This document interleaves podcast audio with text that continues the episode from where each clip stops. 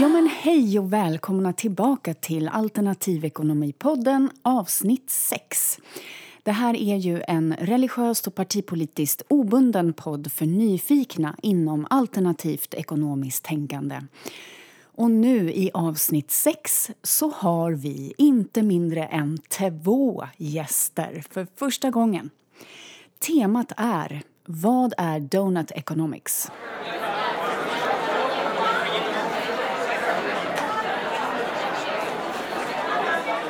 Ja, vissa av er som lyssnar kanske känner till Donut Economics, den här teorin om hållbar ekonomi.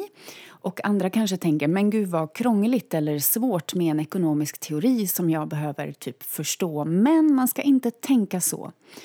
Det finns ju ett motstånd hos många att liksom, mot ekonomisk teori för att det känns svårt och sådär. Men det, det ska inte vara så svårt.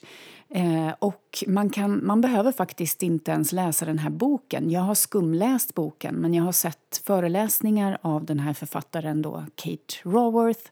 Och det finns mycket på Youtube där hon sammanfattar sin teori och där andra sammanfattar och också beskrivna exempel på den här eh, hållbara eh, teorin om ekonomi. Så det, man kan få många liksom, pusselbitar och förståelse utan att behöva gräva så djupt eller läsa en hel bok. Och det här med små men viktiga pusselbitar är ju lite idén bakom den här podden så att det inte ska bli för stort eller för svårt.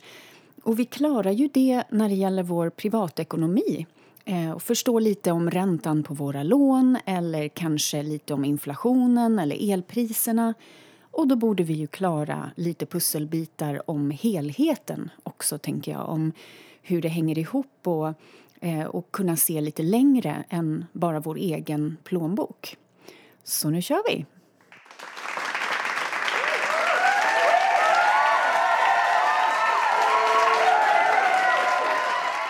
Ja, visst. Och med mig i studion har jag Regina Saitsova. Hon ska få presentera sig själv snart. Och på distans har jag Robin Dahlqvist, eller Ekonomens tips som också ska få presentera sig och dra igång med lite analys av boken. Yeah, yeah, yeah, yeah, yeah, yeah, yeah.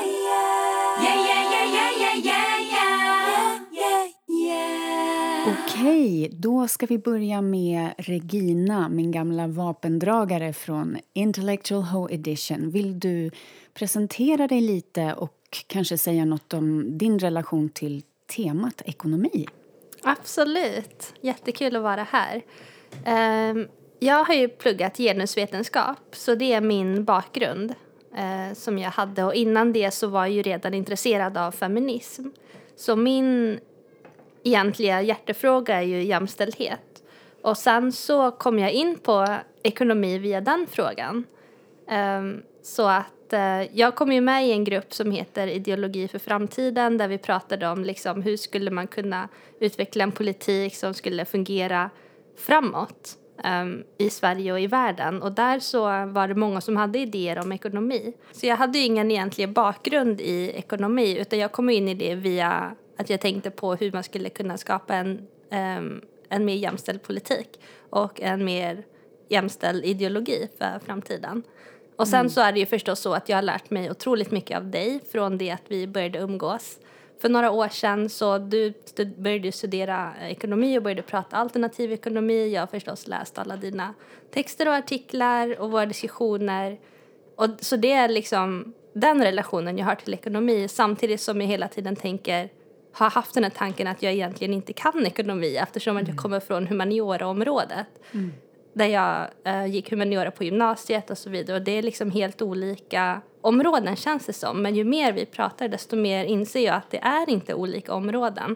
Att ekonomi är inte det här matte och naturvetenskap medan humaniora och genusvetenskap är någonting helt skilt utan istället så bygger de på varandra på ett helt annat sätt än vad jag har förstått innan. Alltså jag börjar typ gråta.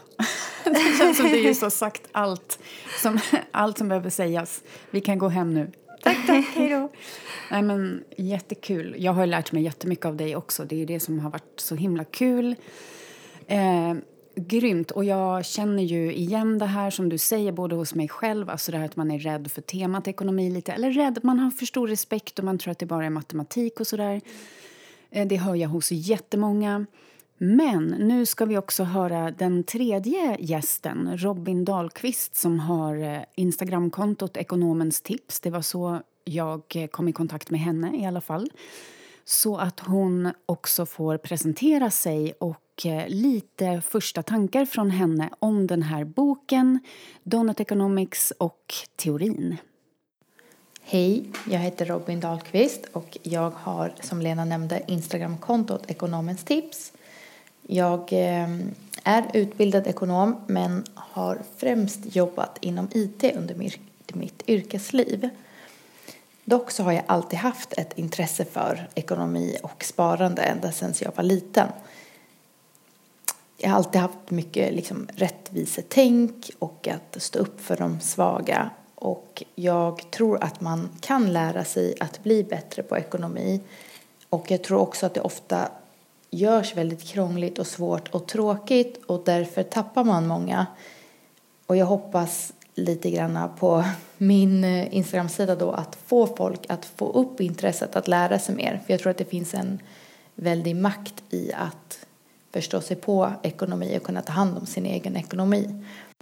Jag tror att det är viktigt att man funderar över balansen mellan de olika resurserna man har.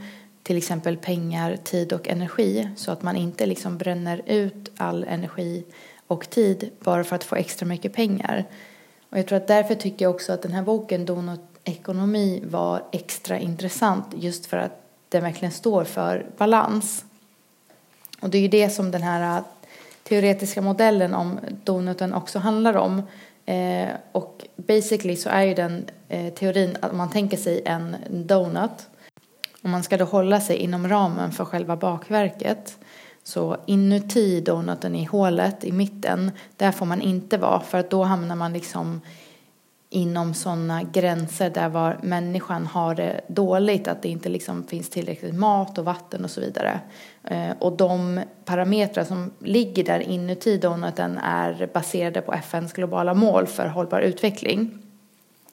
Sen får man heller inte hamna utanför donuten, för där är man ute och tär på planetens gränser och resurser. Och där finns det till exempel ja, med markanvändning, klimatförändringar, ozonskiktet och, och sådana bitar. I boken så går hon igenom ekonomins historia. Varför tog man fram BNP som mått? Och vad det finns för brister i att använda BNP som mätetal. Att man i den nuvarande ekonomin inte tar med i beräkningen klimatet och eh, inte heller den mänskliga naturen. Hon tar upp en hel del intressanta exempel på hur pengar som belöning kan vara en icke-motiverande faktor. Ett exempel hon nämner är i Tanzania där man bad ett gäng personer i en by att de skulle plantera träd på en skolgård. Och eh, sen så gjorde man även ett liknande experiment men den här gången så erbjöd man att de fick pengar för att göra det här. Eh, och då såg man att de som hade erbjudits pengar, där var det färre som deltog än de som inte erbjöds det. Samt att de som erbjöds pengar var mindre nöjda med uppgiften. Hon tar också upp eh, väldigt spännande exempel från andra kulturer kring hur man har inkorporerat mer miljömässiga och etiska parametrar i liksom politiken på en hög nivå. Och eh, till exempel då i Bolivia där man har skrivit in i sin konstitution en, eh, ett begrepp som heter buen vivir som är en världsåskådning då som värdesätter ett liv i gemenskap med andra människor och naturen. Eh, och även i Ecuador så erkänner man eh, att naturen då, Pachamama, har en rätt att existera och upprätthålla sina livsgivande cykler. Och boken är verkligen fylld med liksom korta inblickar i sådana här eh, exempel eh, som man blir väldigt sugen på att lära sig mer om dem eftersom hon bara snabbt går in i och, och berättar om dem. Och jag tänker på det generellt, jag tror att hon själv också säger det angående sin bok, att man ska se det som en kompass. Eh, att hon har ritat upp en riktning på vart, vart vi borde vara på väg, men att det som saknas är ju en karta. Och det är det upp till alla att rita den. Och jag tänker lite att det är ju egentligen ganska enkelt att kritisera ett nuvarande system och att säga att vi behöver göra någonting annat och att vi ska någon annanstans. Och lite liksom drömmande och svepande. Prata om eh, eh, utvalda goda exempel som skulle kunna platsa i den här drömvärlden. Men att det inte riktigt är så konkret eller tydligt med exakt hur det här skulle kunna fungera.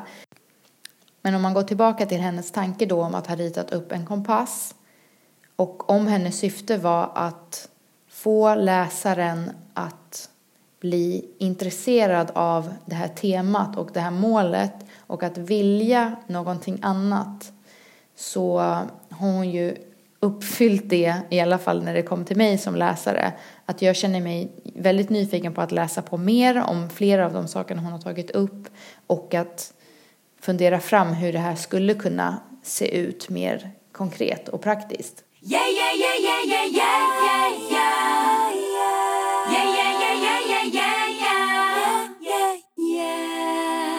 Ja, tack för den presentationen och sammanfattningen av boken.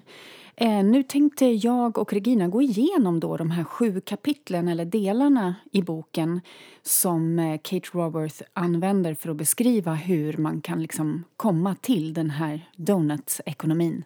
Vill du läsa dem på engelska, Regina, original? Absolut.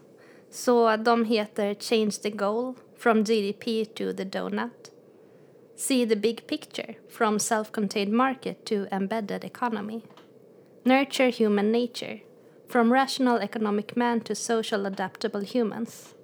Get savvy with, with systems, from mechanical equilibrium to dynamic complexity. Designed to distribute, from growth will even it up again to distributive by design. Create to regenerate, from growth will clean it up again to regenerative by design. Och sista, be agnostic about growth, from growth addicted to growth agnostic. Ja, tack. Grymt. Och vi kan väl prata lite om de här eh, sju, eller försöka typ kort sammanfatta, kanske översätta det här, ja, men hennes kapitel eller upplägg. Ändra målsättningen från BNP då till andra mått. Eh, jag tycker att det första kapitlet är superbra, där hon, där hon lite också mm. så här, börjar med att bara såga alla ekonomiutbildningar och eh, det, det är på ett sätt ganska lätt eftersom det är så galet hur liksom, världssystemet ser ut. Och det blir så självklart också när hon väl lägger fram det eh, på det sätt som hon liksom visar. Och då börjar man ju själv tänka, men gud, är det verkligen har vi verkligen snöat in på det här så här hårt? Finns det verkligen inga alternativ? Och då så, det blir som att hon har rätt by default. Mm. Bara, bara genom att inte ens kritisera utan bara lägga fram exakt det de säger. Just det. Eh, jag tycker också, eller i början i första kapitlet, så här, hon namedroppar ju väldigt mycket teoretiker och böcker och så här, tunga mm. ekonomer, kanske också för att verkligen visa att hon har på fötterna när hon går ut så här starkt och kritiserar. Hon har ju det historiska perspektivet också, att hon går ju liksom in i typ ända från början hur ekonomi började och att hon verkligen har läst igenom liksom, hur ekonomi ser ut från from the beginning fram mm. tills nu. Just det, det är grymt. Eh, och sen kapitel två då, se helheten. Eh, jag tolkar det som att man liksom ska sy in ekonomin i verkligheten istället för att se marknader och det här ekonomiska som någonting separat eller eget som har liksom en egen inbyggd naturlag. Ehm, och lite att det ska stå under oss också istället för att styra oss. Mm. Det där är ju verkligen um, klassiskt som man ser i feminismen, att man tror Eh, att ekonomer tror att eh, kvinnor och det som är inom hushållet står utanför marknaden fast att det egentligen är det som marknaden bygger på. Alltså det reproduktiva arbetet som de har ignorerat. Ja, jättebra exempel. Och i kapitel nummer tre så går ju hon direkt in på det här psykologiska. Eh, Nurture Human Nature heter kapitlet. Eh, jag vet inte hur man kan översätta det men det handlar ju väldigt mycket om oss människor och hur vi är och att hon liksom bryter ner den här rationella, individualistiska självbilden vi har och att hon tar upp att vi har alla bias, eh, alltså vad säger man, eh, inställningar, omedvetna inställningar som påverkar oss i våra antaganden hela tiden. Hon går in på mycket psykologi där, beteende, ekonomi och att det är liksom omöjligt att vara objektiv och oberoende. Precis. Um, och då så är det ju att hon på något sätt visar att människor är inte den här modellen som eh, den ekonomiska mannen. Utan istället så vi, man vill ju vara generös. Man vill göra saker som inte är helt rationella ur ett ekonomiskt perspektiv bara för att det är bra för man, alltså man vill ju leva i ett community tillsammans. Man vill ju göra saker som är bra för andra även om det inte är det mest optimala ur en ekonomisk synpunkt. Och det, det mm. ignorerar ju um, den, den ja. teorin som vi lever under. Ja, exakt så är det. Um, och hon går ju in på, precis som du säger, det här med alla relationer som händer eh, runt ekonomin, i ekonomin mm. och hur vi liksom har distanserats från varandra med den här mentaliteten av att säga nej, vi är bara ekonomiska agenter. Men det är vi ju inte. Eh, ja, då kommer vi till kapitel nummer fyra. Eh, bli bra på system. Hur tolkar du det?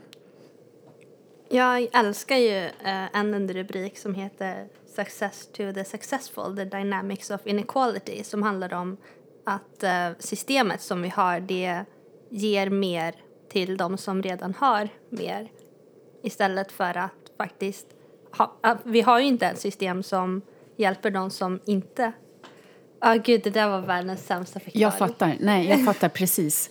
Eh, och, och gud vad intressant att du säger det för att jag reflekterade också när jag läste det där att det låter så neutralt när hon beskriver den här uh, orättvisan som en nästan så mekanisk funktion snarare än det här som höger och vänster liksom tolkar dem på ett mer värderingsmässigt plan vad som är rätt och fel och rättvist och orättvist. Och hon bara, så här ser det ut, det blir en ojämställd distribution av resultatet.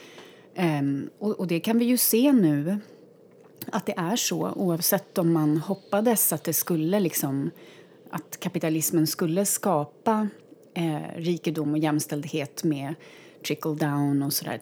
Att eh, det funkar inte så i praktiken. Och det exemplet hon tar är ju spelet Monopol som eh, skapades för att exemplifiera um, success to the successful uh, från början där det är så enkelt att se den som råkar få mycket från början den har så mycket enklare att samla på sig mer genom att hyra ut, genom att ta uh, ränta, genom att mm. äga helt enkelt. Just det.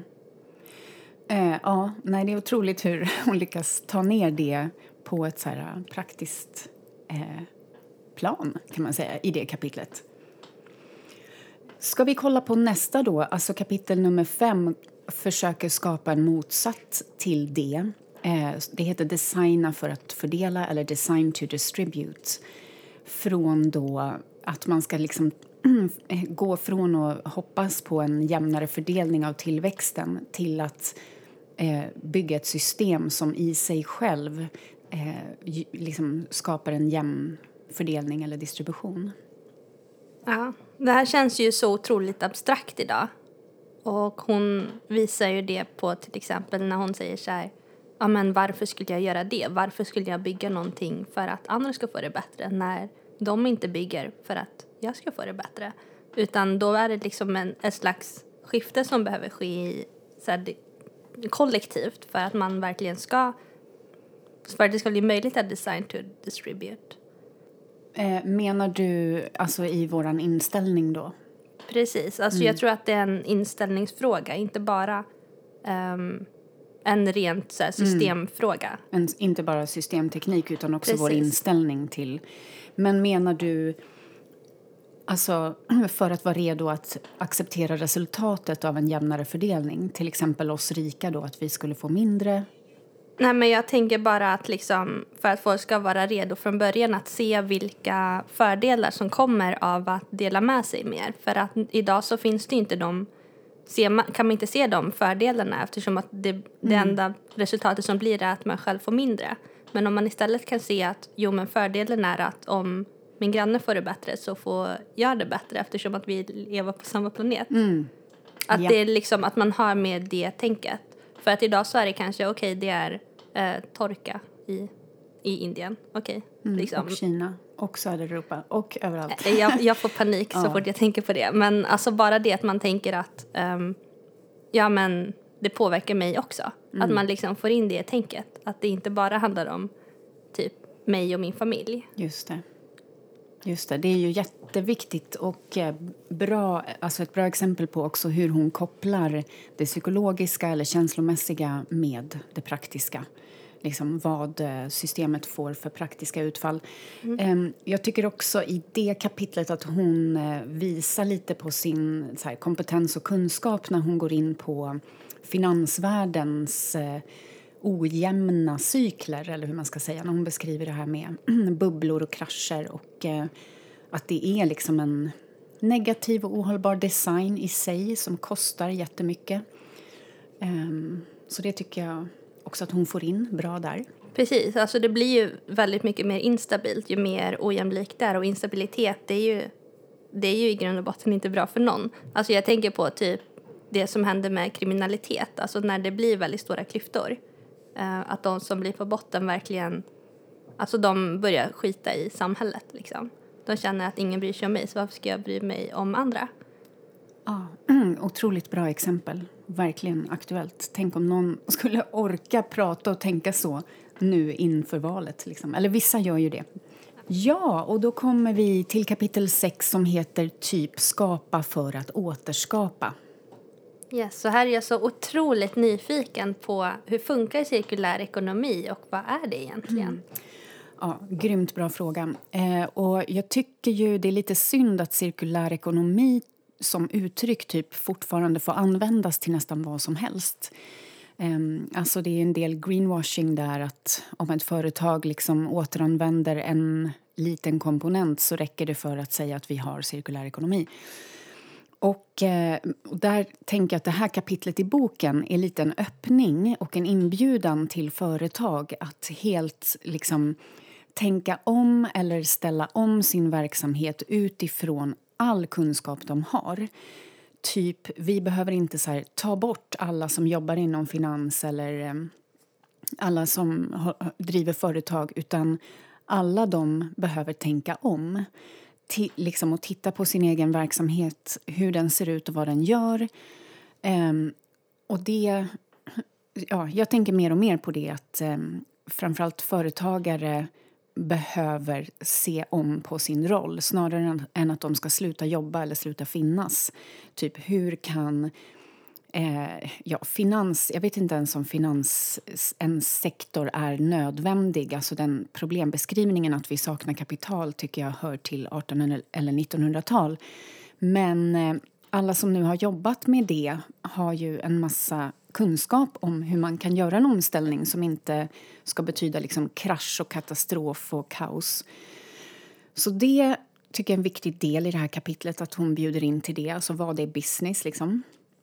Ehm, men sen också lite det biologiska och rent konkreta med runt naturresurser. Att eh, vi, vi kan inte se produktion som en linjär process. Eh, och hon går ju också in på lite nedbrytning av... Alltså, planeten gör ju en neutralisering och nedbrytning av eh, ämnen och eh, avfall men det finns en gräns för vad den klarar. Det är därför som sjöar och skogar eller ekosystem kan krascha. De kan klara till en viss gräns att utföra om man säger såna ekosystemtjänster men sen kan de också kollapsa. Eh, så att man kan ju ha en viss mängd av produktion eller så men, eh, men att det kommer till såna här tipping points. Jag läste en jätterolig jämförelse, jag tror att det var på Reddit mellan um, the lead generation uh, boomers.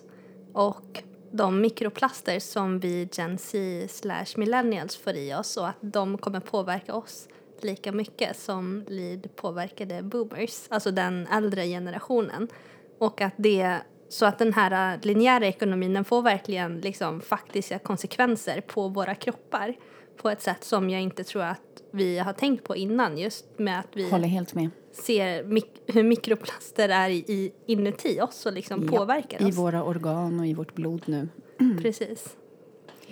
Eh, jättebra exempel. Vi kommer ju inte ifrån de konsekvenserna. Och, eh, ja, det är väl mest eh, också såklart det här med återbruk liksom, som vi redan har börjat med. Det ska man inte glömma heller och bli liksom för negativ kanske. Att vi, har ju, vi är också på väg redan att folk köper mer och mer second hand. Inte bara kläder utan liksom möbler och väskor, allt. Um, och också inom eh, byggsektorn så vet jag att till exempel Sweco har ju en tjej som eh, jobbar med hållbarhet där som pratar mycket om material och så, att inte liksom riva gamla byggnader utan återvända så, återanvända så mycket som går av material och sånt. Precis. Och en av de underrubrikerna som står här är ju In search of the generous economist, alltså ekonomer som verkligen vill skapa cirkulär ekonomi och ta den tiden och den energin det tar för att göra det. Men då blir ju nästa fråga kanske, vem är det som ska vara generös med sin tid och kraft för att skapa det här? Och ibland känner jag att det kanske är ingen som vill vara den som är först med det. Oh, vad intressant. En kille jag känner pratar mycket om det där. Och att han har typ bestämt sig för att vara den första som... Han bara, jag vill vara den som först vågar ta steget. Att så här, vara den i rummet som har kanske minst utbildning eller inte är snyggast eller inte tjänar mest pengar eller inte... För att det är läskigt. Det är otroligt läskigt att våga liksom vara den som inte tar för sig allt vad den kan. Wow. Men eh, tiden springer ju, så nu kollar vi på det sista kapitlet lite då. Kapitel 7, Var agnostisk runt tillväxt. Vad kan vi säga om det kapitlet? Jag blev ju väldigt påverkad eh, av den här linjen som hon drog från ehm, neråt till uppåt i princip och att tanken är att ekonomin bara ska öka och öka och öka precis som BNP. Och när hon har beskrivit den här linjen då fattar man ju själv att det här verkar vara väldigt orimligt. Ja, jag blev också väldigt berörd av den. Och det är en bilden. linje. Ja.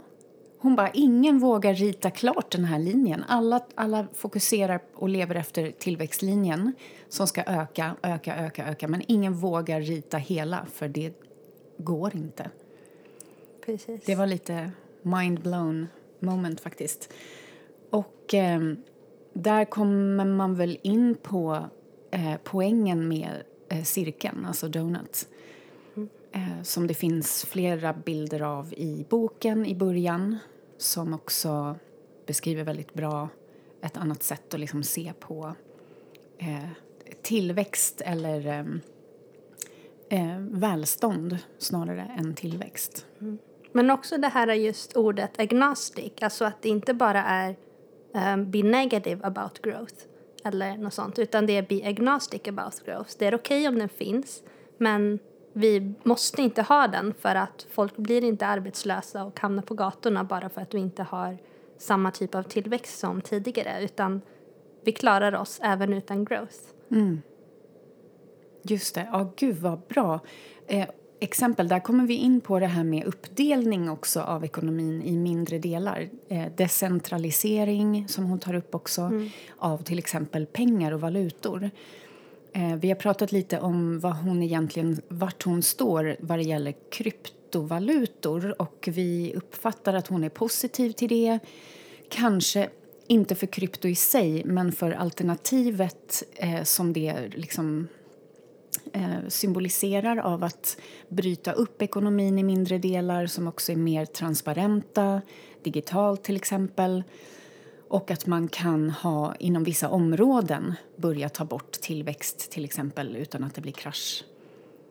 Ehm, och, och att det är ett exempel på pluralism, som du säger. Man kan vara man kan ha tillväxt kanske på vissa områden i mindre skala och andra områden där man inte behöver ha tillväxt. Precis, hon kändes ju som att hon såg potentialen i krypto. Och mm. det reagerade jag på lite eftersom att nu så det här året har det ju varit en kryptokrasch.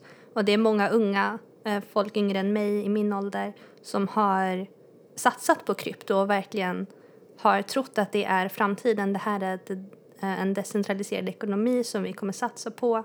Och så har det visat sig att det snarare är så att man köper det för att själv kunna sälja det till någon annan för ännu mera pengar. Så mm. på ett så sätt så har jag sett det krypto vara beskrivet som ett ponzi-schema mm. i princip. Och det visar ju att man kan inte bara ta krypto som en ensam del i, mm. um, utan det måste vara att hela samhället gör det möjligt att använda krypto på det, på det sätt som hon ser potentialen.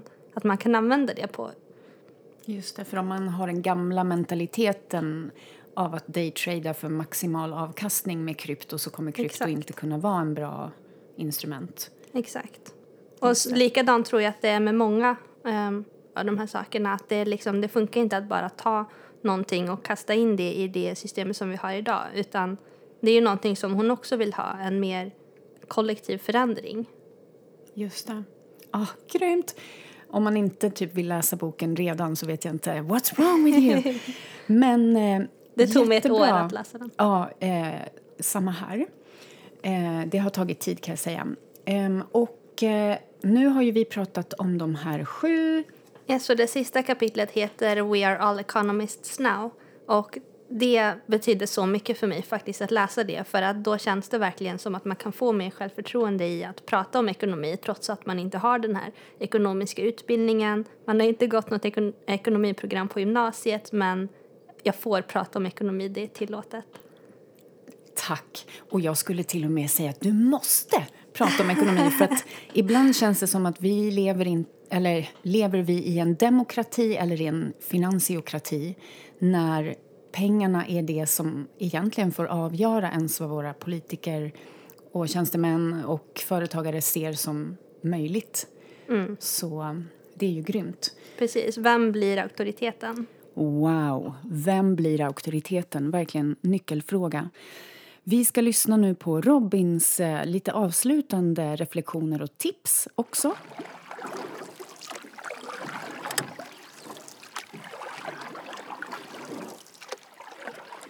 En sak som ni pratade om som jag också fastnade på väldigt mycket var just det här kring BNP och hur, huruvida det går att expandera för all framtid och att det inte fanns någon som hade vågat rita klart den här modellen med liksom hur den kurvan skulle se ut om eh, BNP ökade varje år med x antal procent.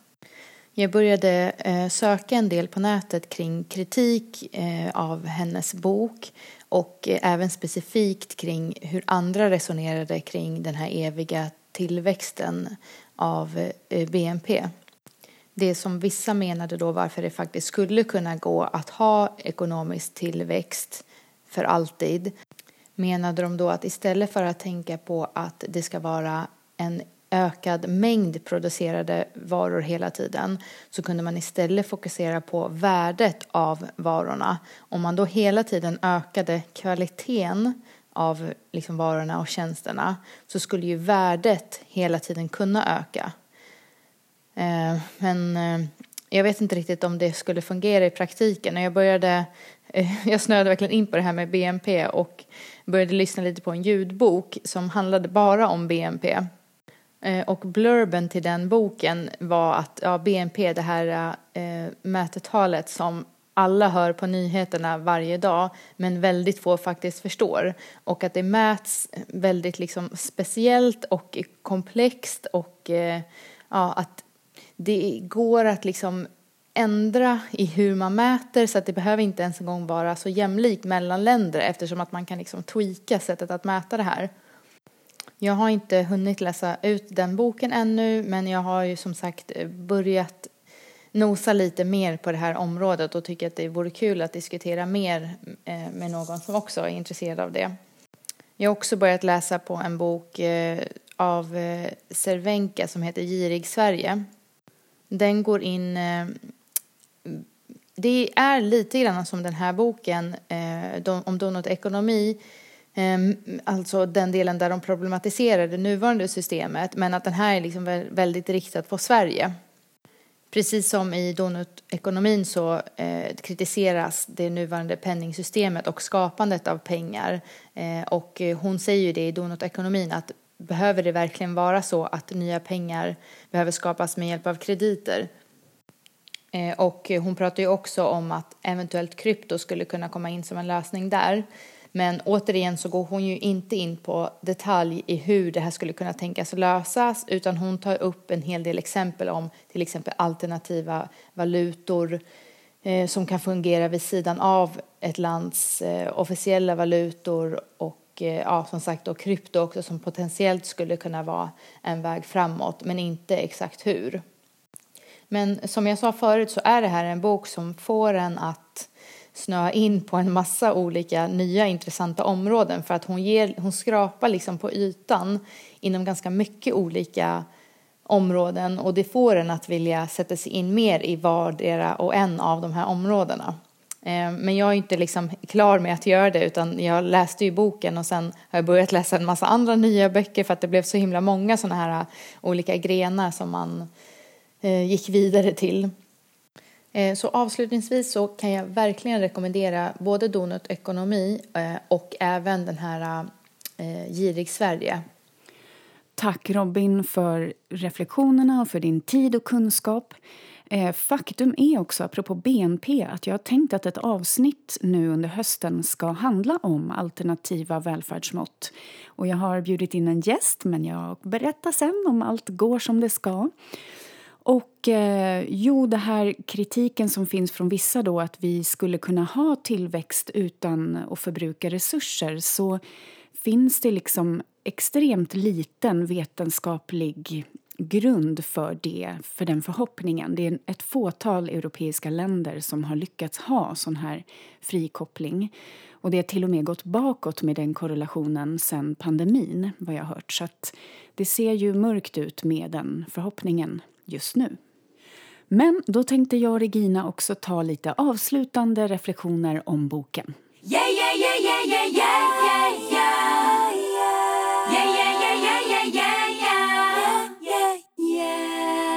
Du har ju så himla mycket intressanta tankar om den här boken eftersom att du har tänkt så mycket på ekonomi och all, speciellt alternativ ekonomi. Jag tänker ju såklart så här, ja här har vi igen en kvinna som vill typ hjälpa till och för vem har hon skrivit den här boken? Och jag fick en liknelse i huvudet av så här, en flickvän till en kille som missbrukar. Till exempel det här att eh, försöka hjälpa någon som kanske inte vill bli hjälpt. Alltså, det ekonomiska etablissemanget tycker kanske inte alls att det är något fel eller något problem så som systemet ser ut idag. Eh, och så har vi den här kvinnan som bara jo men kolla, du kan göra allting bättre, vi kan ha bättre. Så här.